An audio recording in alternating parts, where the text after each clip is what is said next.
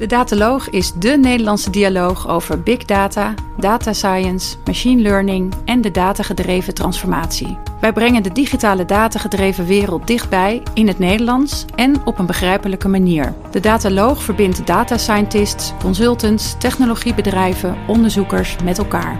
Onze uitzendingen bevatten ronde tafelgesprekken, diepte-interviews, toekomstverkenningen, mini-colleges over machine learning en verhalen van ervaringsdeskundigen.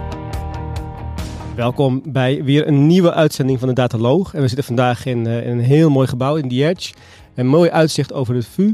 En we zitten vandaag gaan het hebben over AI, transparency, groeistrategieën en hoe bedrijven daar op een ethische manier mee omgaan. En dat dit een hot topic is, dat blijkt wel, want in de afgelopen week heb ik het minstens twee, drie keer in de krant zien staan. In het FD een stuk over AI transparency, in de Volkskrant een stuk over AI transparency en ook in de gemeente Amsterdam die zegt we gaan al onze uh, algoritmes gaan wij nu, vanaf nu gaan we kijken of ze ethisch verantwoord zijn en of ze allemaal aansluiten op de goede, maatschappij.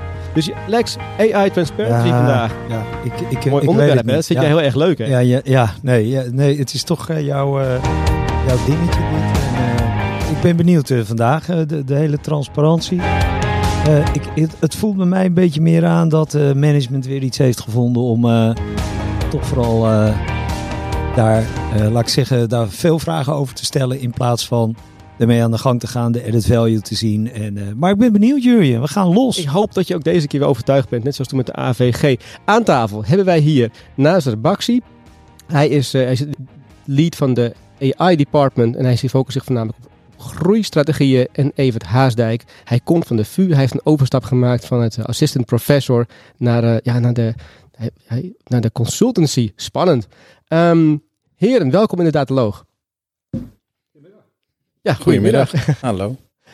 Um, ja, ik, ik, ga gewoon gelijk aftrappen. Heren, uh, kunnen jullie alvast uh, voorstellen? Nazer, wie ben je? Wat ben je? Wat, uh, wat doe je in, binnen Deloitte in dit geval? En ja, wat is je achtergrond? Kun je er iets over vertellen? Ja, graag. ja, ik ben dus Nasser Bakshi, werk als director Artificial Intelligence binnen Deloitte Consulting. En in die zin verantwoordelijk voor het um, leveren van diensten aan onze klanten uh, met betrekking tot AI, machine learning, data science. Uh, ik heb een achtergrond in informatica en een afstuderen richting in AI. Uh, um, en in die zin kan ik ook dus heel erg plukken uit mijn verleden van mijn academische tijd, zeg maar.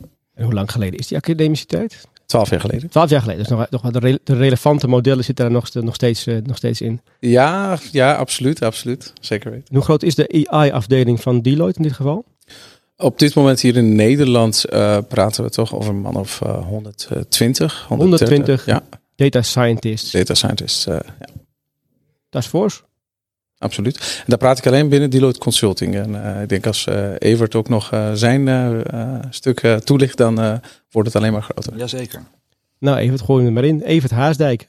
Ja, Evert Haasdijk. Ik heb, zoals je al zei, hiervoor bij de, bij de Vrije Universiteit hier aan de overkant gewerkt.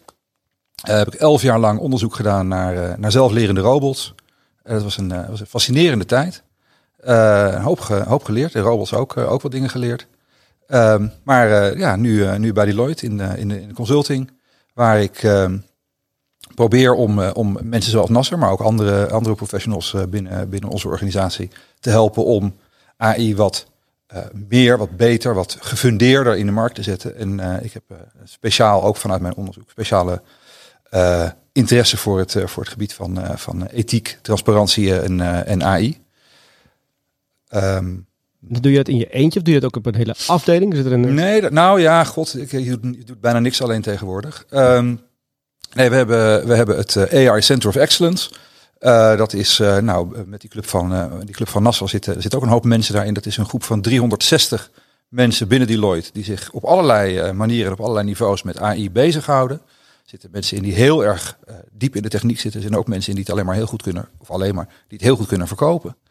Um, nou, die, uh, die, die komen allemaal bij elkaar in dat uh, AI Center of Excellence, waar ik probeer om ze met elkaar te verbinden, cursussen te geven, masterclasses in samenwerking met universiteiten. Dat soort dingen proberen wij de, de, mee te nemen in de vaart der volkeren.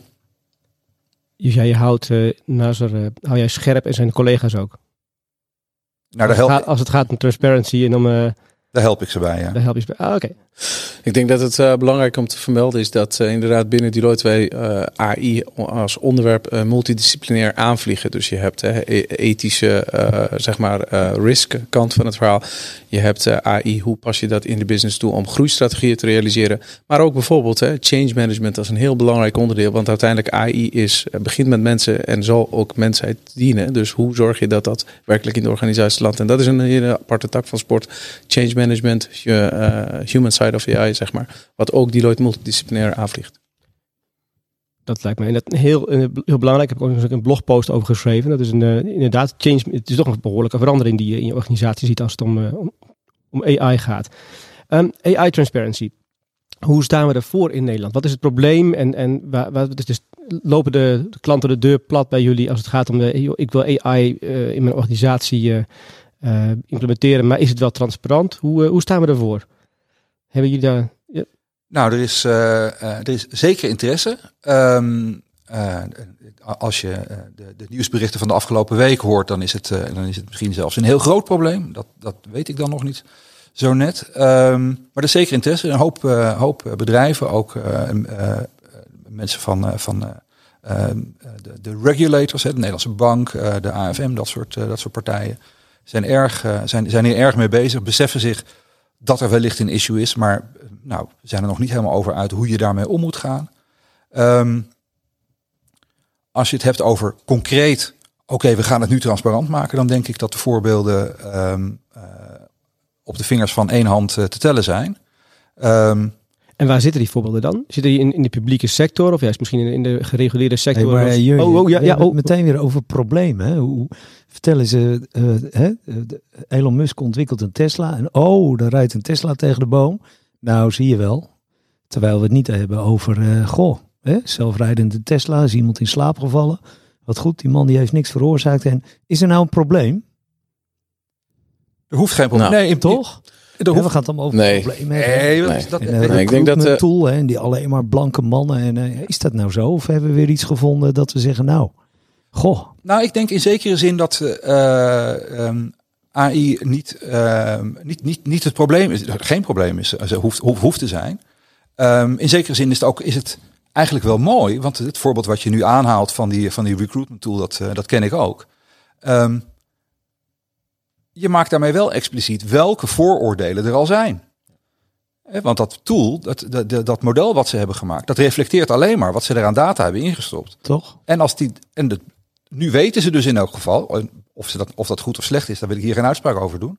Maar nu weten ze in elk geval dat hè, uh, uh, vrouwen of mensen met een andere huidskleur, dat die, dat die bij hen ondervertegenwoordigd zijn. Nou, of dat een issue is, dat mogen ze van mij zelf bepalen. Ja, maar dat is in die zin ook juist AI is een oplossing als je mij vraagt. Want uh, kijk, dat, dat de vooroordelen, de biases en uh, risico's uh, hè, in de bedrijfsprocessen, in de organisaties zijn, dat is niks nieuw. Dat is altijd al geweest in verschillende vormen. Het tempo waarin dit soort dingen zich kunnen voordoen natuurlijk is toegenomen door toename van data, digitalisering en inderdaad automatisering van processen. Maar als je mij vraagt, juist door die toename is AI ook een oplossing om dat te tackelen. Dus uh, ik zie het ook inderdaad veel meer in licht van, hey, kijk wat het allemaal kan en hoe kun je dat gebruiken om juist dit soort aspecten ook te tackelen, te adresseren, dan dat je dat alleen in termen van problemen uh, beschouwt. Ja, ja, toch? Is AI nou niet iets van een, van een laat ik zeggen, een, een, toepassing van een wat moeilijker, laat ik zeggen, hoger niveau? Hè, waarbij allerlei managers die mee te maken krijgen eigenlijk te diepte in moeten gaan. Wat toch wel hè, voor een aantal mensen een uitdaging is. Hè, want als je het hebt over die recruitment tool, hè, dan heb je het ook over domein uh, expertise en kennis. Hè, die moet gewoon ingebracht worden. Uh, als wij een uh, recruitment tool ontwikkelen, dan weten wij niet wat het bedrijf voor mensen zoekt. Hè. Dus dat bedrijf moet. Is het niet nou eens een keertje AI? Is dat niet iets waar nou eens goed over nagedacht wordt? Wat eigenlijk best wel moeilijk is voor veel managementlagen. In plaats van gewoon een groot boekrekening wat wel te begrijpen is. Of een Word-file of een... Uh, Nasser begint te lachen, dus ik ben benieuwd wat zijn reactie is. Volgens mij eh, ga jij nu iets zeggen waarbij je denkt, hoe ga ik dit verwoorden? Nee, ik denk dat uh, wat je aanstipt hier is een hele belangrijke uh, aspect van AI. Want wat ik vaak in de discussie zie is AI vanuit meer een, laten we maar zeggen, technische invalshoek wordt belicht. Hè. We hebben het heel gauw al snel over algoritmes, regels, data. Maar ik ben zelf heel erg van overtuigd dat uiteindelijk AI, het begint bij mensen en het eindigt ook bij mensen. En als je zeg maar dat invalshoek uh, in acht neemt, dan zul je inderdaad ook moeten zorgen dat die mensen, of dat nou managers zijn, of dan zijn uh, leidinggevenden in de lijn van de organisatie, noem maar, die zullen moeten begrijpen, of die zullen in die uh, verandering meegenomen moeten worden, om daadwerkelijk van AI een nuttige tool, een mechanisme te maken in plaats van. En daarom uh, begon ik te lachen, want uh, grootboeken, et cetera. Ja, inderdaad, dat zijn basisdingen, maar vergeet je niet. Hè, ook die administrateurs moesten op een gegeven moment leren hoe zo'n grootboeksysteem werkt. Vertrouwen in krijgen dat als bijvoorbeeld een factuurtje geboekt wordt en daar een BTW automatisch op berekend wordt, dat dat wel klopt en dat er regels zijn die ze hebben begrepen. Nou, change management is een onderdeel daarvan, dat soort trajecten geweest. Ook voor AI geldt hetzelfde. Als je dat niet goed adresseert, als je mensen niet meeneemt, aan het eind van de rit heb je een prachtige bolide staan waar niemand in kan rijden. Als je, als je kijkt naar die, uh, die transformatie hè, van die bedrijven, hè, wat, hoe, hoe, zie jij dat? Uh, zie je een, een, een hele grote bank waar traditioneel hè, groot boek uh, specialisten zitten?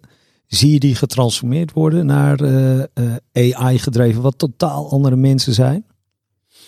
Ik denk dat um, een, een, mooi voorbeeld is een grote klant van ons, waar wij um, op, op, op laten we maar zeggen, bestuursniveau gesprekken zijn gestart om de impact van algoritmes en AI voor hun businessmodellen zichtbaar te maken. Uiteindelijk die gesprekken en die sessies hebben toegeleid dat het bedrijf nu ehm, duizenden medewerkers eigenlijk opnieuw traint, als het ware, in het uh, basis foundations van wat AI is, wat het kan.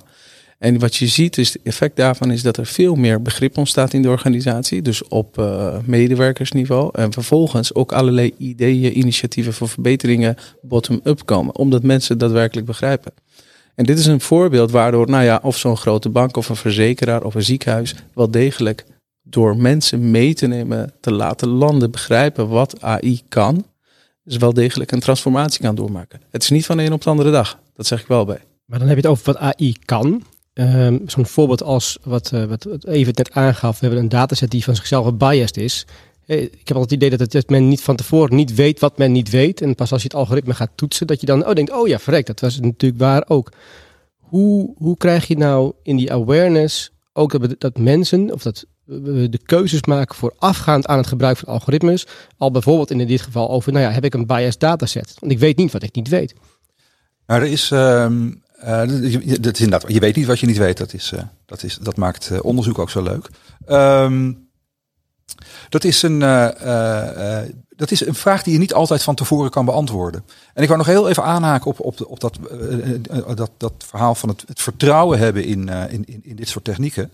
Um, daar is die transparantie nou juist zo belangrijk. Transparantie is, is niet om aan te geven van, oh jongens, we hebben hier een, een model wat seksistisch is of racistisch is. Ja, dat ook. Dat kan je ook eruit halen. Maar het kan juist helpen om te begrijpen, ah, hoe komen die beslissingen nou tot, hè, hoe komen die beslissingen nou tot, tot, tot stand? En daarmee begrip kweken. En als je begrip kan kweken, dan kunnen mensen, dan zullen mensen eerder geneigd zijn om met zoiets te gaan werken, om het te vertrouwen. Um, en het kan inderdaad ook aangeven van hé, hey, er zit een bias, een vooroordeel in mijn, in mijn dataset. En zo'n vooroordeel is niet per se het gevolg van, van iemand die, die kwaad in de zin heeft. Helemaal niet. Er zijn, er zijn legio voorbeelden waar vooroordelen in die dataset zitten, waar, waar, waar discrepanties ten, opzichte van zeg maar de, de, de, de, de rest van de wereld in die dataset zitten. Gewoon omdat er, omdat er bepaalde processen aan het werk zijn. Want je moet niet vergeten dat die data waar we allemaal zo, zo vrolijk uh, uh, AI op aan het loslaten zijn, waar we geweldig goede resultaten mee gehaald worden, die data is bijna nooit verzameld met het idee van, nou later, als ik groot ben, dan gaan we met machine learning gaan we hele mooie modellen maken. Nee, die data is gewoon verzameld terwijl we mensen aannamen, terwijl we, weet ik veel, leningen uitschreven, uh, hypotheken uitschreven, al dat soort dingen. En alle vooroordelen, alle processen die, die tot een beslissing hebben geleid, die zie je terug in die data. Dus als er een proces was om,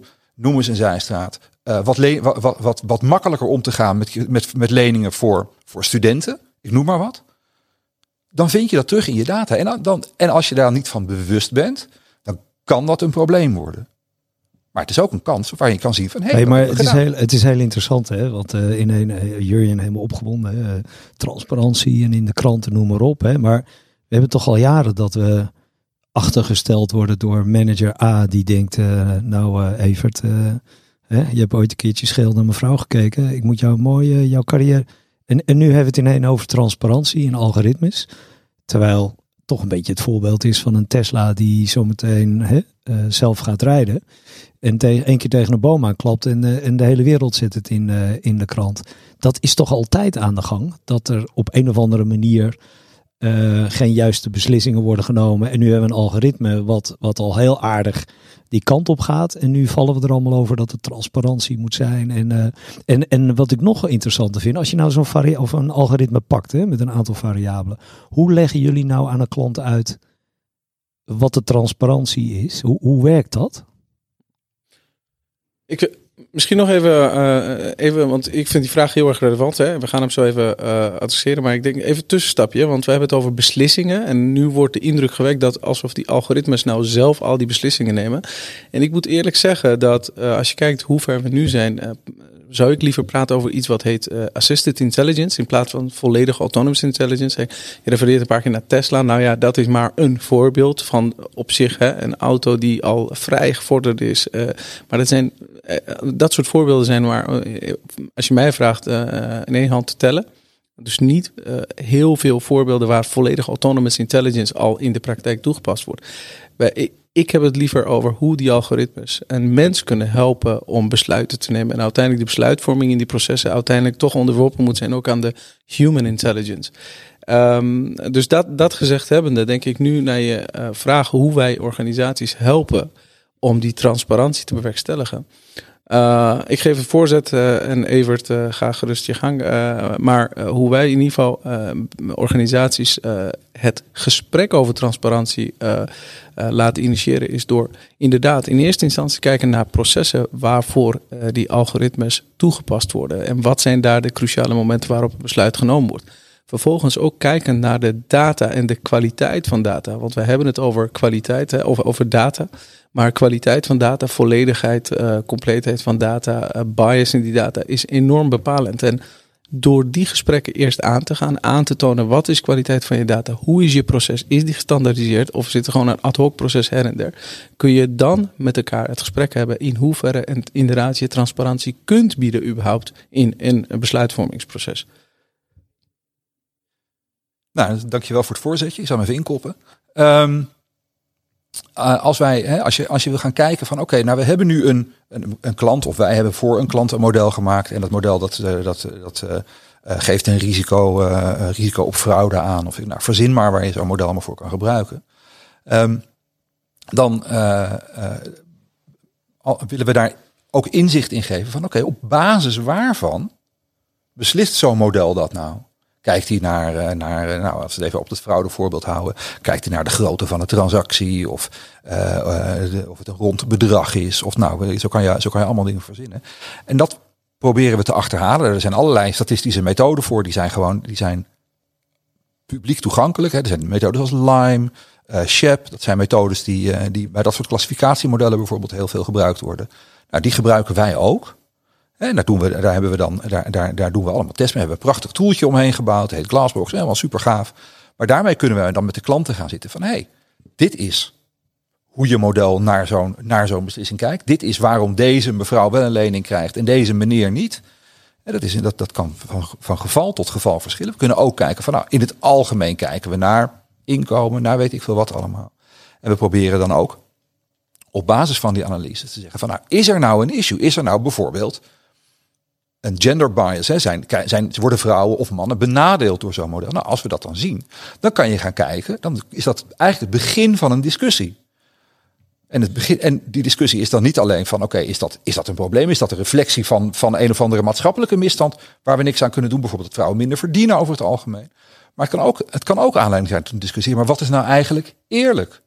Eh, moeten, eh, eh, nou, om het over leningen te hebben, moeten eh, mannen en vrouwen dezelfde kans hebben om een lening te krijgen? Of moeten ze dezelfde kans hebben om een lening te krijgen die ze niet kunnen terugbetalen? Dat zijn subtiele verschillen, maar die kunnen wel heel erg belangrijk zijn. Zeker als je je lening niet kan terugbetalen. die kunnen wel heel erg belangrijk zijn in, het, in, het, in hoe je met zo'n model omgaat. Dus die discussie over wat is nou eerlijk, dat is eigenlijk, dat is, dat is, dan wordt het, begint het echt, vind ik het echt interessant worden. Van, nou, dan kunnen we gaan kijken van, oké, waar moeten we nou naar gaan kijken? Is het relevant om, nou, om, om hier iets aan te doen? Of moet je, Ja. moet je gewoon accepteren dat het zo is? En, en per geval denk ik is het ook wel belangrijk om eh, eh, goed te kijken wat is wel inderdaad eerlijk en niet eerlijk. In situatie A kan iets eerlijk zijn, terwijl hè, in situatie B kan dat. Dus context is ook heel erg belangrijk. Ik denk dat wat Evert nu heel mooi beschrijft rondom eh, bijvoorbeeld nou ja, statistische modellen, eh, basis eh, ehm, descriptives hè, in analytics eh, om je datasets te controleren op skewness, completeness, noem maar op. Sanity checks doen, eh, zeg maar reality checks doen, eh, dat soort zaken waar we op data doen. Ik denk dat het eh, belangrijk is om te benoemen dat we in ieder geval binnen Deloitte een gestandaardiseerde proces hebben. Dus waar onze data scientists en AI-experts eh, ehm, ja, een soort checklist afwerken als het ware. Om ervoor te zorgen dat, dat, eh, dat je nou ja, eh, zoveel mogelijk gestandaardiseerd dit soort processen adresseert en niet ad hoc. Wel daarbij rekening houdend dus dat, eh, dat het context heel erg belangrijk is. Maar er is wel een standaard methodologie die wij in place hebben. Hey, maar als ik naar een data science proces kijk, hè, wat we natuurlijk allemaal op studies hebben gehad, hè, eh, en wat je kan eh, documenteren met een R Markdown of wat dan ook, noem maar op. Dus er is een, er is een business case gebouwd. eh, dit is wat het op, op moet lossen. domeinexperts zijn erbij geweest. En, en even dan zeg jij van, hè, dan heb je een lening, hè, en dan gaan wij kijken van, is dat wel eerlijk gegaan? Dus in dat proces is wat fout gegaan. Of het is niet gedocumenteerd, Mhm. waardoor jullie gevraagd worden voor, joh, kom eens naar mijn model kijken. Hoe, hoe, hoe, wat treffen jullie aan bij bedrijven? Is dat nou allemaal netjes gedocumenteerd? Of eh vrek, we hebben een algoritme, eh zal oud, eh, kunnen jullie? Hoe, hoe werkt dat? Nou, dat varieert nogal. Ehm, om te beginnen zijn er al heel veel bedrijven die die modellen niet zelf maken. Hè, maar die ze, die ze, die ze eh, in sommige gevallen zelfs kant en klaar kopen.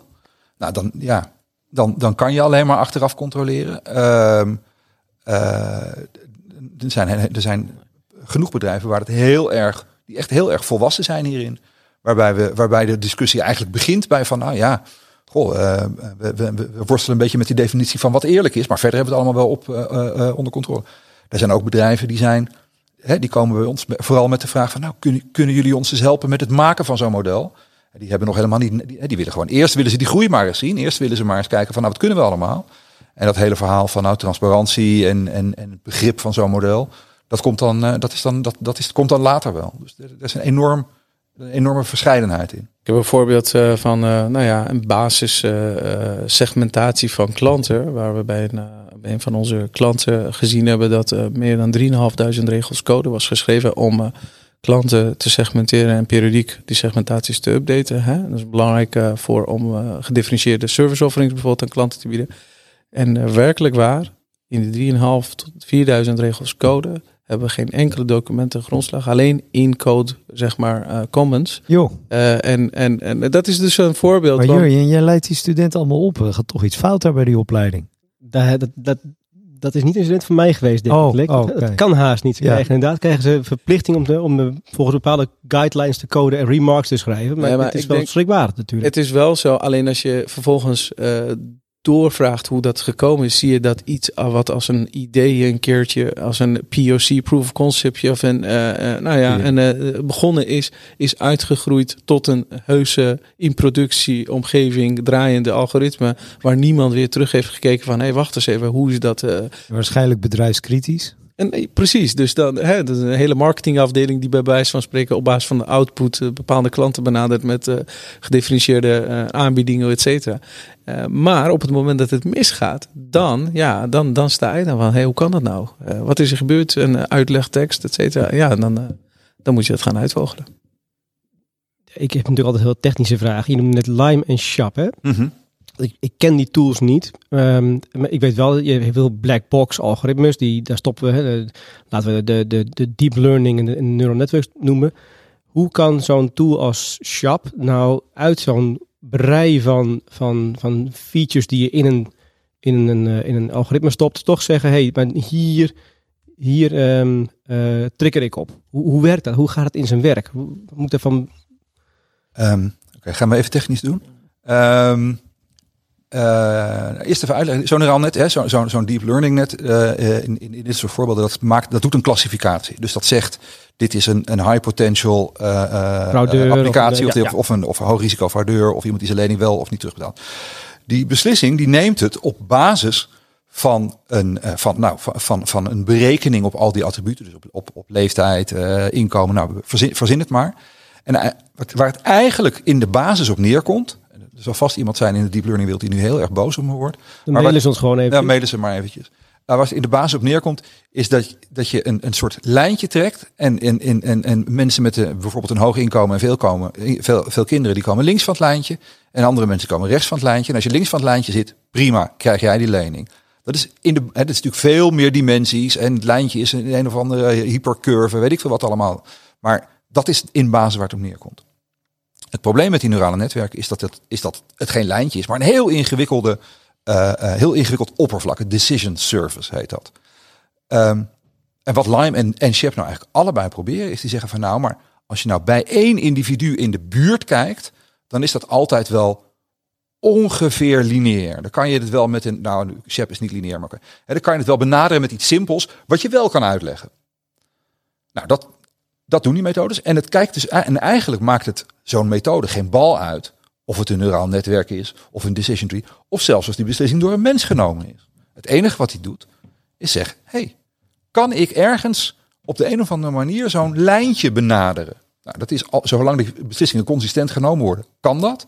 En daar komt dan een beslissing, daar komt dan een, nou, dat lijntje, dat kan je dan beschrijven. Dan kan je zeggen van nou, het blijkt dat inkomen heeft een, heel, heeft een hele hoge invloed. Het aantal kinderen heeft ook een vrij hoge invloed. Ehm, weet ik veel, aantal jaren werkervaring is van veel minder belang in deze, in, in, in dit hypothetische geval. En, op, en daarmee krijg je dan een uitleg. En dan kan je dus ook tegen iemand zeggen, en dat vind ik het mooie van zo'n uit, van dit soort uitleggen. Kan je dus ook zeggen van ja, kijk, in jouw geval zou de beslissing anders zijn uitgevallen als je een hoger inkomen had. Of je er wat aan kan doen is een tweede. Maar dat is, dat geeft dan, dat geeft, dat is voor mij een, een, een, uitleg waar je, waar, je, waar je wat aan hebt. En waar je ook, op basis waarvan je ook vertrouwen kan hebben dat zo'n beslissing hout snijdt. Misschien daaraan te toevoegen, dat vind ik wel mooi, want eh, ik, eh, neurale netwerken, daar wordt heel vaak over gesproken, maar ik denk dat wat ook heel belangrijk is, is om inderdaad even stil te staan bij wat voor methode ga je nou eigenlijk daadwerkelijk toepassen en wat voor waarde, meerwaarde biedt dat. Ik heb zelf diverse keren meegemaakt dat we met hetzelfde dataset, hetzelfde aantal features, 120, 130, ehm, eh, Goed opletten, Jurjen, nu. door meerdere modellen, dus hè, van de random forest, basis decision trees, tot en met tin-layered eh, eh, neurale netwerken, naast elkaar hebben gedraaid. En echt waar, het precisie en recall van uiteindelijk de uitkomst, dus de prediction, was scheelde twee tiende procent.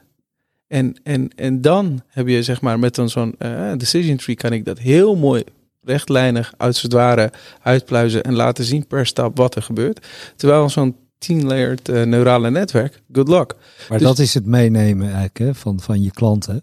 Gewoon visualiseren, per stap Precies. meenemen. In plaats van een eh, spannend neural Maar netwerk. Lex, je weet toch dat ik helemaal geen fan ben Zullen we van doorgaan? Nee, wacht even. Ik ben even één ding recht zetten. Ik ben dus geen fan van deep learning. Oh, Dat heb je toch in de, in de vorige podcast. iedere podcast eh, Nee, nee. begin je weer over neural Ja, netwerken. En- d- ik begin erover. Omdat het juist dat black box gedachtegoed, dat het daar juist daar, naar mijn idee, dat je heel veel transparantie Oh. wegging. Dat weet je toch van die sessie met Peter Oh. Sloot. Dat ging toch over, over hoe kun je nou voorbij die black box gaan. Dat, is, daar, daar is het interessante daad. Maar dat is dan de vraag. Hè, als die, eh, ik kan begrijpen dat als de precision en de recalls van, van diverse eh, algoritmes uit elkaar liggen, dat je zegt, nou weet je, we pakken de meest uitlegbare.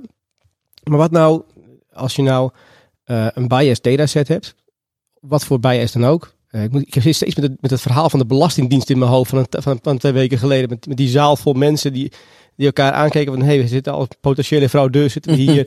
en, uh, en er was één Nederlander, dat was een, was een journalist uh, uh, als blanke man daartussen. Um, wat ik dus afvraag is, in hoeverre zijn klanten bereid om een lagere accuracy, recall en precision te accepteren Mhm. uh, in ruil voor een meer uh, maatschappelijk of, of uh, transparant en, en, en non-biased algoritme. Ja, heb, maar je, ik, heb je daar ervaringen? ja, alleen, ja, zeker. En ik vind dat eerlijk gezegd die twee dingen heel erg met elkaar te maken hebben. Want als je hoge mate van accuraatheid in je voorspellingen hebt, maar ten koste van maatschappelijke aspect, gaat het uiteindelijk vroeg of laat backfire. Ja. En uh, dat kan brand damaging zijn, dat kan je reputatie schaden en uiteindelijk zul je daar. Dus dat is, uh, wat mij betreft, uh, het zijn het alle twee componenten die in evenwicht doorgenomen en besproken moeten worden. Uh, maar dat begint natuurlijk al bij het vaststellen van je business case. Ja, ik, ik wist dat je dat zou gaan. Ja, nee, dat is ook Als jij nu niet voor nee, maar business wat, case wat Nasser, zeggen, nee, maar wat Nasser zegt is, ja. als het uh, maar een heel klein verschil maakt, maar voor lagere Ja, kosten kan je ook gewoon je doel bereiken. Dat is natuurlijk waar het uiteindelijk om gaat. Ja, wij, uh, om een voorbeeld te geven, voor een klant hebben wij uh, moesten voorspelling maken van klachten van, uh, van de consumenten op het eh, leveren van bepaalde producten. We hebben een dataset van meer dan 80.000 orders eh, in een bestek van drie maanden zeg maar, geanalyseerd. En vervolgens gekeken hoeveel klachten er per type uh, product en per type klant uh, binnenkomen. En je wilt op basis daarvan vervolgens was het idee om een voorspelmodel te maken, zodat men zou kunnen anticiperen op, zeg maar, hè, mogelijk potentiële klachten. Simpelweg omdat de business case voor de, elke klacht was afhandeling gemiddeld 30 euro de klacht. Nou ja, dan uh, maar uit. Plus nog de zeg maar NPS-scores, et cetera, die daaraan gekoppeld zijn. Uh, nou ja, we hebben dus samen met het team uh, verschillende modellen erop losgelaten. En uh, dit voorbeeld wat ik net gaf, hè, een simpele decision tree versus een diep neuraal netwerk, daar hebben we dat zichtbaar gemaakt. Omdat ook op board level het idee stond, ontstond dat hey, je doet pas echt AI als je deep learning technieken toepast. En uh, in een simpele regressie, dat en we hebben dat moest, ja, ik moest ze overtuigen door gewoon simpelweg die modellen naast elkaar te leggen, voor en nadelen van modellen toe te lichten. En inderdaad, wat je zegt, visualiseren. Mooi zo'n hype. En dat, uh, ja. hey, even, uh, even terug naar transparantie. Hè? Uh, procentueel, als je nou kijkt, alle gevallen die jij bekijkt, hè, komen er nou heel veel gevallen voor waar alle evers gewoon niet in aanmerking komen voor? Of is het toch een beetje detailwerk waarbij een kleine, kleine aanpassing of kom je helemaal niets tegen?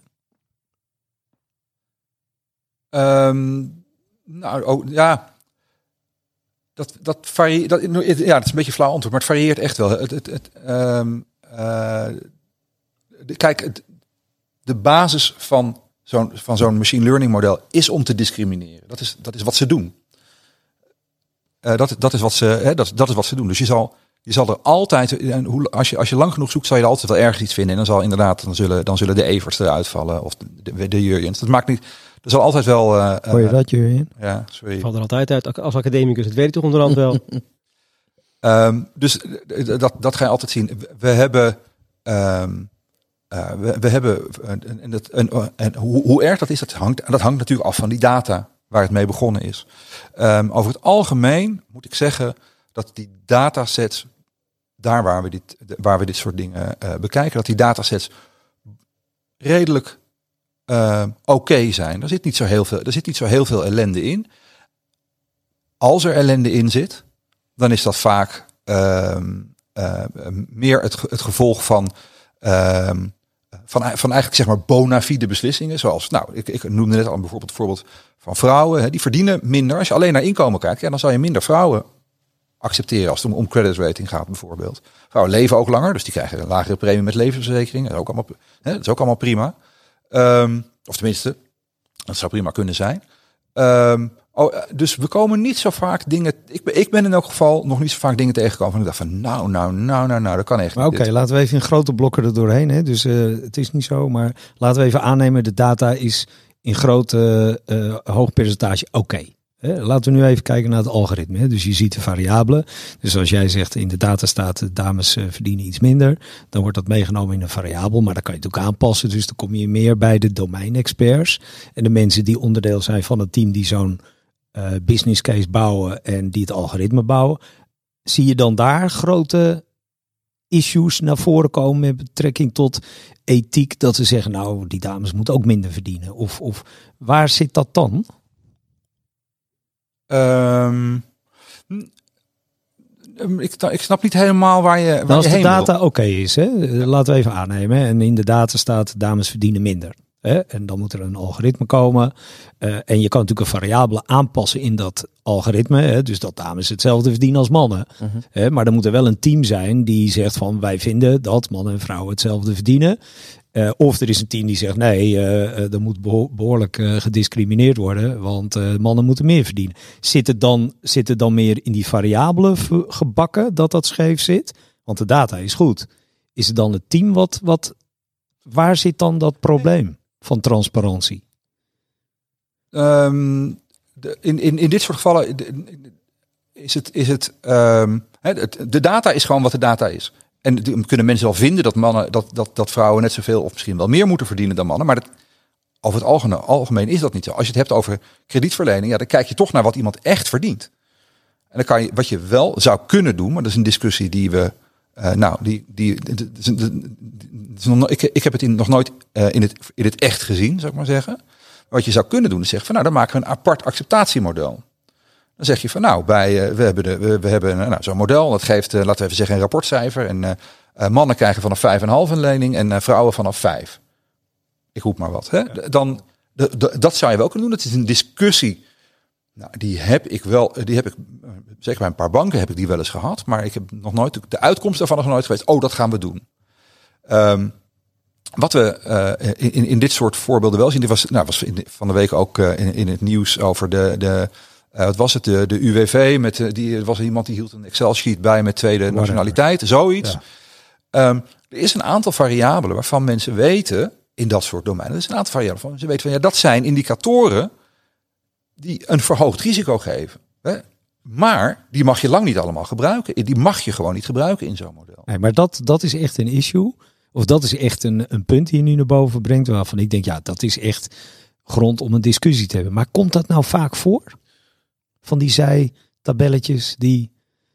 Dit is de eerste keer dat ik ervan gehoord heb. Oké. Ja. Maar ik ga te kort door de bocht. hoor, Maar mag ik dan ook meteen een beetje concluderen dat de vele krantenartikelen die er nu over gaan. Hè, eh, net zoals Nasser zegt van eh, hè, CEO's willen toch graag praten over neural netwerken. Terwijl je toch ook met een heel simpel model iets kan oplossen. Zitten we in die fase? Ehm, nou, Je moet veel nadenken. ja, ik, ja, dat is. eh, Ja. Ik moet stilzitten, dan moet ik nadenken. Ehm, dat is. eh, eh, dat is wel ehm, misschien een beetje zo. Ik denk dat dat, dat dat wel een beetje is. Maar ik denk aan de andere kant dat er worden nu zo ontzettend veel modellen gebruikt. Hè. Ik, eh, we waren bij een, eh, bij een bank, we zijn nu 20.000 modellen gebruiken. 20.000 modellen. En dat gaat ook over marketing, maar dat gaat ook over kredietverlening. Dat is, eh, ehm, eh, ja, dan wil je zeker bij de modellen die, die, die, die grote impact hebben, wil je dit gewoon wil je dit gewoon zeker weten. Jullie denken dat zal wel goed zitten, want het zit altijd goed. Dat wil je gewoon zeker weten. Maar is het, is het dan meer het ordenen van het schuurtje wat een beetje rotzooi is geworden? Nou, ik denk dat eh, ordenen van het schuurtje. Ik denk dat het ook belangrijk is om te vaststellen dat het schuurtje niet voor niks daar staat. Dat is eh, zeg maar ontstaan. Dus Excelletjes, et cetera. Blijkbaar zijn in bepaalde processen ook andere factoren van belang die misschien niet per se in die data direct eh, eh, zeg maar terugkomen. Hè? Want de data discrimineert inderdaad. Hè? Dat is data is wat het is. En daarom is het ook denk ik wel belangrijk om echt samen met de mensen uit de business dit soort eh, eh, algoritmes samen te ontwikkelen. En wat, ik, wat wij in ieder geval vaak zien is dat het of inderdaad puur als een data science project met als doel algoritmes ontwikkelen gemaakt wordt. En dan worden gewoon blind gestaard op inderdaad die, die de accuraatheid, et cetera, et cetera van de modellen. Mooie visualisaties. Maar het toetsen, sanity checks zoals ik dat noem, oftewel gezonde boerenverstand, even niks anders dan dat, is en daarbij hoort toch wel, inderdaad, waar, waarom is dat schuurtje daar nou? Hè? Waarom is dat Excelletje daarnaast? En waarom? Dat, dat, dat proces is wel onderdeel van het, zeg maar, transparantie als je mij vraagt, of probleem, wat nu soms ook volledig over het hoofd wordt gezien. Dat wordt inderdaad als een soort van schaduw iets gezien. En dat, dat is een risico, want anders vlieg je hem puur alleen vanuit een datatechnisch perspectief aan. En ja, de, dan daardoor loop je de kans dat je gewoon dingen gaat ontwikkelen die volstrekt niet rijmen met de realiteit. Nou, ik denk dat het, het is heel belangrijk om, uh, om je te beseffen dat die, um, die, die modellen die we maken, die reflecteren de data en dat doen ze allemaal prima. Maar die modellen die zijn, zoals ik net beschrijf, die zijn niks anders dan het vergelijken met een of ander criterium of, of iemand wel of niet een lening krijgt. En de context waarin dat gebeurt en de implicaties van zo'n beslissing, daar kan zo'n model op geen daar kan zo'n model geen, geen notie van hebben. Daar heb je menselijk begrip voor nodig. En daar, om dat menselijk begrip te kunnen botvieren op zo'n model, daar heb je die transparantie voor nodig. Ja, ik, eh, ik, eh, ja, ik, ik draai hem toch een beetje om. Hè. We begonnen met, uh, wat jij zegt, transparantie. En wat, oh jee, hè, er zitten allemaal variabelen die niet eerlijk zijn. Hè. Ik kan je een voorbeeld geven van een, van een financiering die een bankdirecteur had gegeven aan een vriendje. Dan moet je dat algoritme nu voor je zien. Hè. Dus die zegt van, dat kan dus niet meer. En dat vind ik goed nieuws. Hè? Dus in plaats van, uh, uh, oh jee, dat, uh, dat, dat algoritme is discriminerend. Nee, wordt nu gewoon fact-based. door jullie nog eens even ook laten zien aan het hoofdkantoor van die bankdirecteur. Die kan niet meer een lening aan zijn vriendje geven. Want de variabele die geeft aan, vriendjes geven geen lening. Dus ik zie dat toch heel positief, Jurjen. Oh, zeker zie ik dat data-driven en dus meer objectief zie ik als een enorme uitdaging. Of een enorme kans van AI. Nou, ik, vind, ik word ook steeds vermoeider van de term AI. Als we gewoon over simpel machine learning hebben. Want alles moet tegenwoordig diep gelearned worden. En ik ben eigenlijk juist voorstander. Pak maar gewoon een decision tree. Dan uh, hebben we in ieder geval dat inzicht wel. Um, we gaan naar de kettingvragen, Alex. Tenzij jij nog heel veel grote vragen hebt die je wil stellen. Ja, je weet, hè, ik kan uren door. Ja, jij kan uren doorpraten, ja. Um, die komt van uh, Ron van Wevenwijk van, uh, van Go Data Driven. Die is specialist in Neo4j, dus die doet heel veel met fraude en dergelijke. En die eh, heeft een vraag aan jullie. Ja, nou, we, we, hebben hem vandaag hebben we hem al een aantal keer uh, aangeraakt, transparantie in AI. Eh, ik denk de voorbeelden zijn schrijnend. Er zijn legio voorbeelden te vinden waarin het, ja, waarin het mis kan gaan.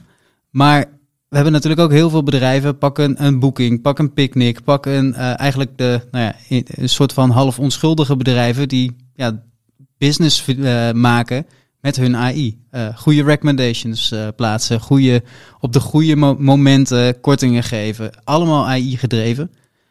Uh, als we dat transparant willen maken, geven we dan niet een klein beetje het recept van Coca-Cola weg. dus ja, ik ben dan wel benieuwd, waar leggen we die balans? Wanneer dan wel transparant, wanneer dan niet?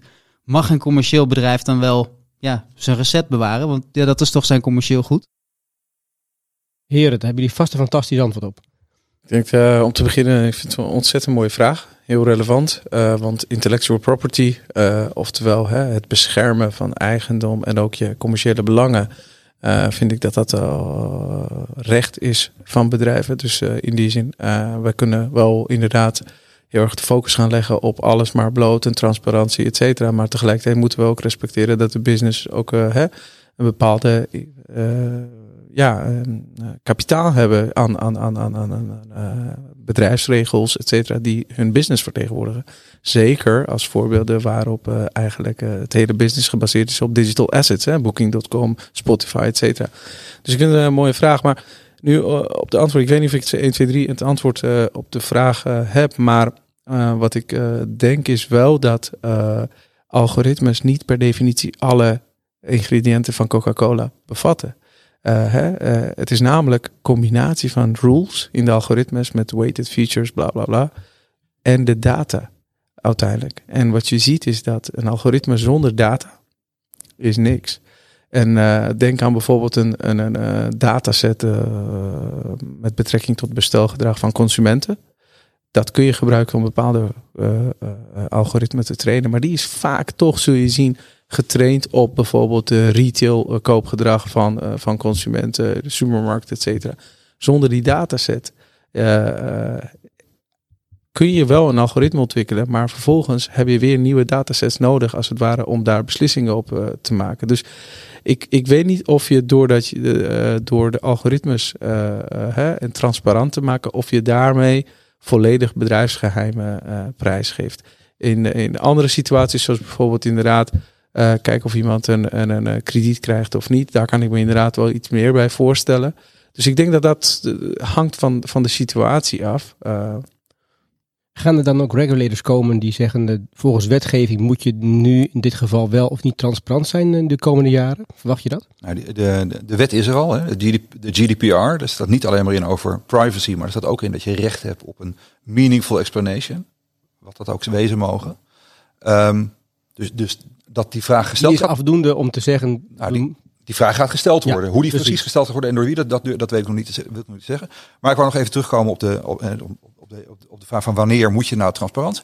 Um, uh, het feit dat iets transparant is, betekent niet dat je het publiek moet, betekent niet dat je het publiek moet maken. Coca-Cola, oké, het recept is geheim.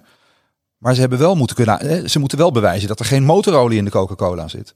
Dus als een bank, een, uh, uh, een uitkeringsinstantie, als die een model gebruiken Um, om te beslissen of iemand een hoog risico heeft, of iemand een lening krijgt, weet ik veel wat allemaal. Dan hoeven ze mij, dan is het niet per se noodzakelijk dat zij openbaar inzicht geven in hoe dat dan precies gaat. Maar wel, ik vind wel dat dan een regulator, of hè, dat ze op de een of andere manier moeten kunnen aantonen dat het niet racistisch is. Dat het uh, uh, een, op alle manieren unbiased is, waarop dat, waarop dat van de wet al zo moet zijn. Helder toch? Ja, nee, uh, kijk, uh, ik kom heel vaak tegen dat onze klanten vragen van uh, het IP is van ons. Dan zeg ik ja, nou natuurlijk. En dan krijgen ze het algoritme, maar aan de klantkant zit niemand die in dat algoritme kan duiken en er verstand van heeft. Dus weet je, dat is ook weer een beetje lood om, om, om oud ijzer. Ehm, hey, en, en jij zei ook van GDPR, hè, daar staat dus in beschreven, maar staat er ook in beschreven de stappen en waar het aan moet voldoen opdat dat goedgekeurd wordt? Nee, dat staat, zo concreet is het niet. Nee. Nee, nee. nee, Dus dan zit je vaak met de andere partij en dan hou je een meeting en dan zegt die andere partij ja, oké. En dan rij je weg en dan denk je van, zou dat nou geland zijn daar uh, of niet? Daar moeten toch nog wel stappen in gemaakt worden. Al was het maar een soort van, nou, mooie service die ik jullie uh, even aanbied. Deloitte-achtig, dit is wat je moet doen om dat te kunnen laten uh, landen en ook implementeren in je organisatie. Daar is volgens mij ook nog wel heel veel te doen. Ja, dus er wordt veel gedaan aan dat soort checklists. Je hebt nu de, de High Level Expert Group in Europa, die is ermee bezig. Uh, vertegenwoordigers daarvan die zitten ook in de Foundation for Responsible Robotics, waarmee wij samen uh, een AI quality mark aan het opzetten zijn. Dat is precies zo'n checklist van oké, dit zijn de dingen waar je, waar je aan moet voldoen om, om, om een AI ethisch in te zetten, om nou, alle, alle um, uh, al dat soort dingen die we, die we net, uh, die we net uh, genoemd hebben in verband met transparantie. En zitten klanten te wachten op een, op een AI quality mark, Nasser? Um, ik denk het wel, want ehm, dat geeft toch een stukje geruststelling dat er op zijn minst over bepaalde processen goed nagedacht is en dat dat niet eigenlijk een soort van chemisch proces is, waardoor dingen vanzelf zijn gaan ontstaan. Ook als je ziet binnen Deloitte, dus niet alleen naar onze klanten, maar binnen Deloitte hanteren we strikte regels. We hebben zogenaamde Confidential Information Management Plan, wat echt een soort van holy bible is bij ook project wat we met data gerelateerde zaken doen. Je ziet dat dat, als ik het vergelijk met een aantal jaar geleden, nu het standaard onderdeel is van onze aanpak en de checklist om juist precies ervoor te zorgen dat dat uh, gestructureerd onderdeel is en niet een, uh, op basis van een ad hoc situatie wel of niet gebeurt. Dus een quality mark kan daardoor wel degelijk helpen om, een, om die discussie te voeren, om je te dwingen, zeg maar, om die discussie te voeren en goed stil te staan bij wat wel of niet.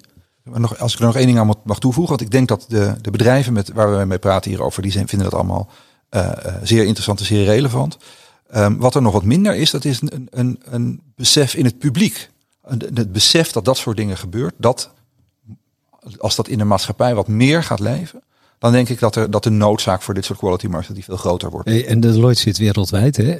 Kunnen jullie wat zeggen over uh, Europa, Amerika, uh, Azië? Zie je nou echt grote verschillen? Zitten wij, uh, is het nou het museum Europa die er bovenop zit? En Amerika, nou het zal ons worst wezen. Of, of is het toch wel algemeen Nee, dat is heel algemeen. Ja? nou, uit Azië heb ik nog niet zoveel gehoord, maar dat, dat, kan toeval zijn hoor. Maar ik, eh, vanuit Australië, Verenigde Staten, Engeland, eh, overal wordt hier, eh, wordt hier erg veel aandacht aan besteed. We moeten alweer, eh, alweer afsluiten. Jullie mogen zelf nog een kettingvraag stellen aan eh, in dit geval Hot Item over fact-based improvement. Nasser had daar een, eh, had je daar een vraag over. Of hoe we data gedreven bedrijven krijgen. Het is natuurlijk Hot Item Future Facts in dit geval. Ja, eh, data gedreven. Ik zou, ik zou liever over inzicht gedreven meer praten dan alleen data gedreven. Maar inderdaad, een van mijn vragen is: hoe zorg je nou dat het, dat, het inzicht gedreven mentaliteit, eh new way of working, zoals wij dat ook binnen Deloitte noemen, in de organisaties daadwerkelijk beklijft. En dat dat niet bij one-off eh, exercities eh, blijft, die toevallig eh, in iemands carrièrepad perfect passen, maar daarna in eh, vergetelheid eh, raken. Dus eh, hoe zorg je dat dergelijke oplossingen beklijven in de organisatie? Cultural Change Management, mooi.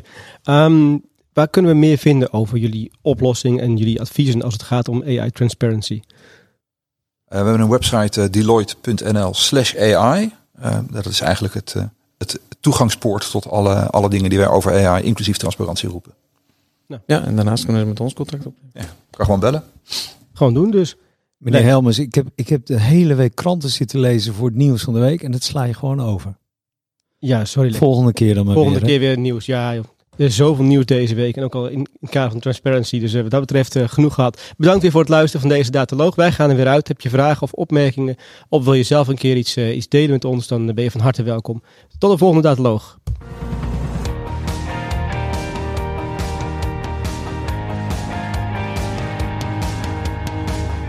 Bedankt voor het luisteren naar deze uitzending van de Dataloog podcast. Wil je automatisch wekelijkse podcast ontvangen? Klik dan op subscribe in jouw favoriete podcastprogramma. Vond je onze podcast leuk, goed, interessant of wellicht te veel ene en nullen? Laat een review achter of geef thumbs up. Heb je vragen of opmerkingen? Kijk dan ook eens op www.dedataloog.nl. Hier staan ook de show notes van alle uitzendingen.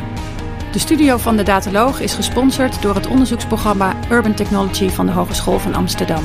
Alles wat we maken doen we onder Creative Commons. Je mag alles hergebruiken voor niet-commerciële doeleinden, zolang je ons als bron maar noemt. Volg ons op Twitter op @dedataloog. Graag tot de volgende keer en voor nu tot data.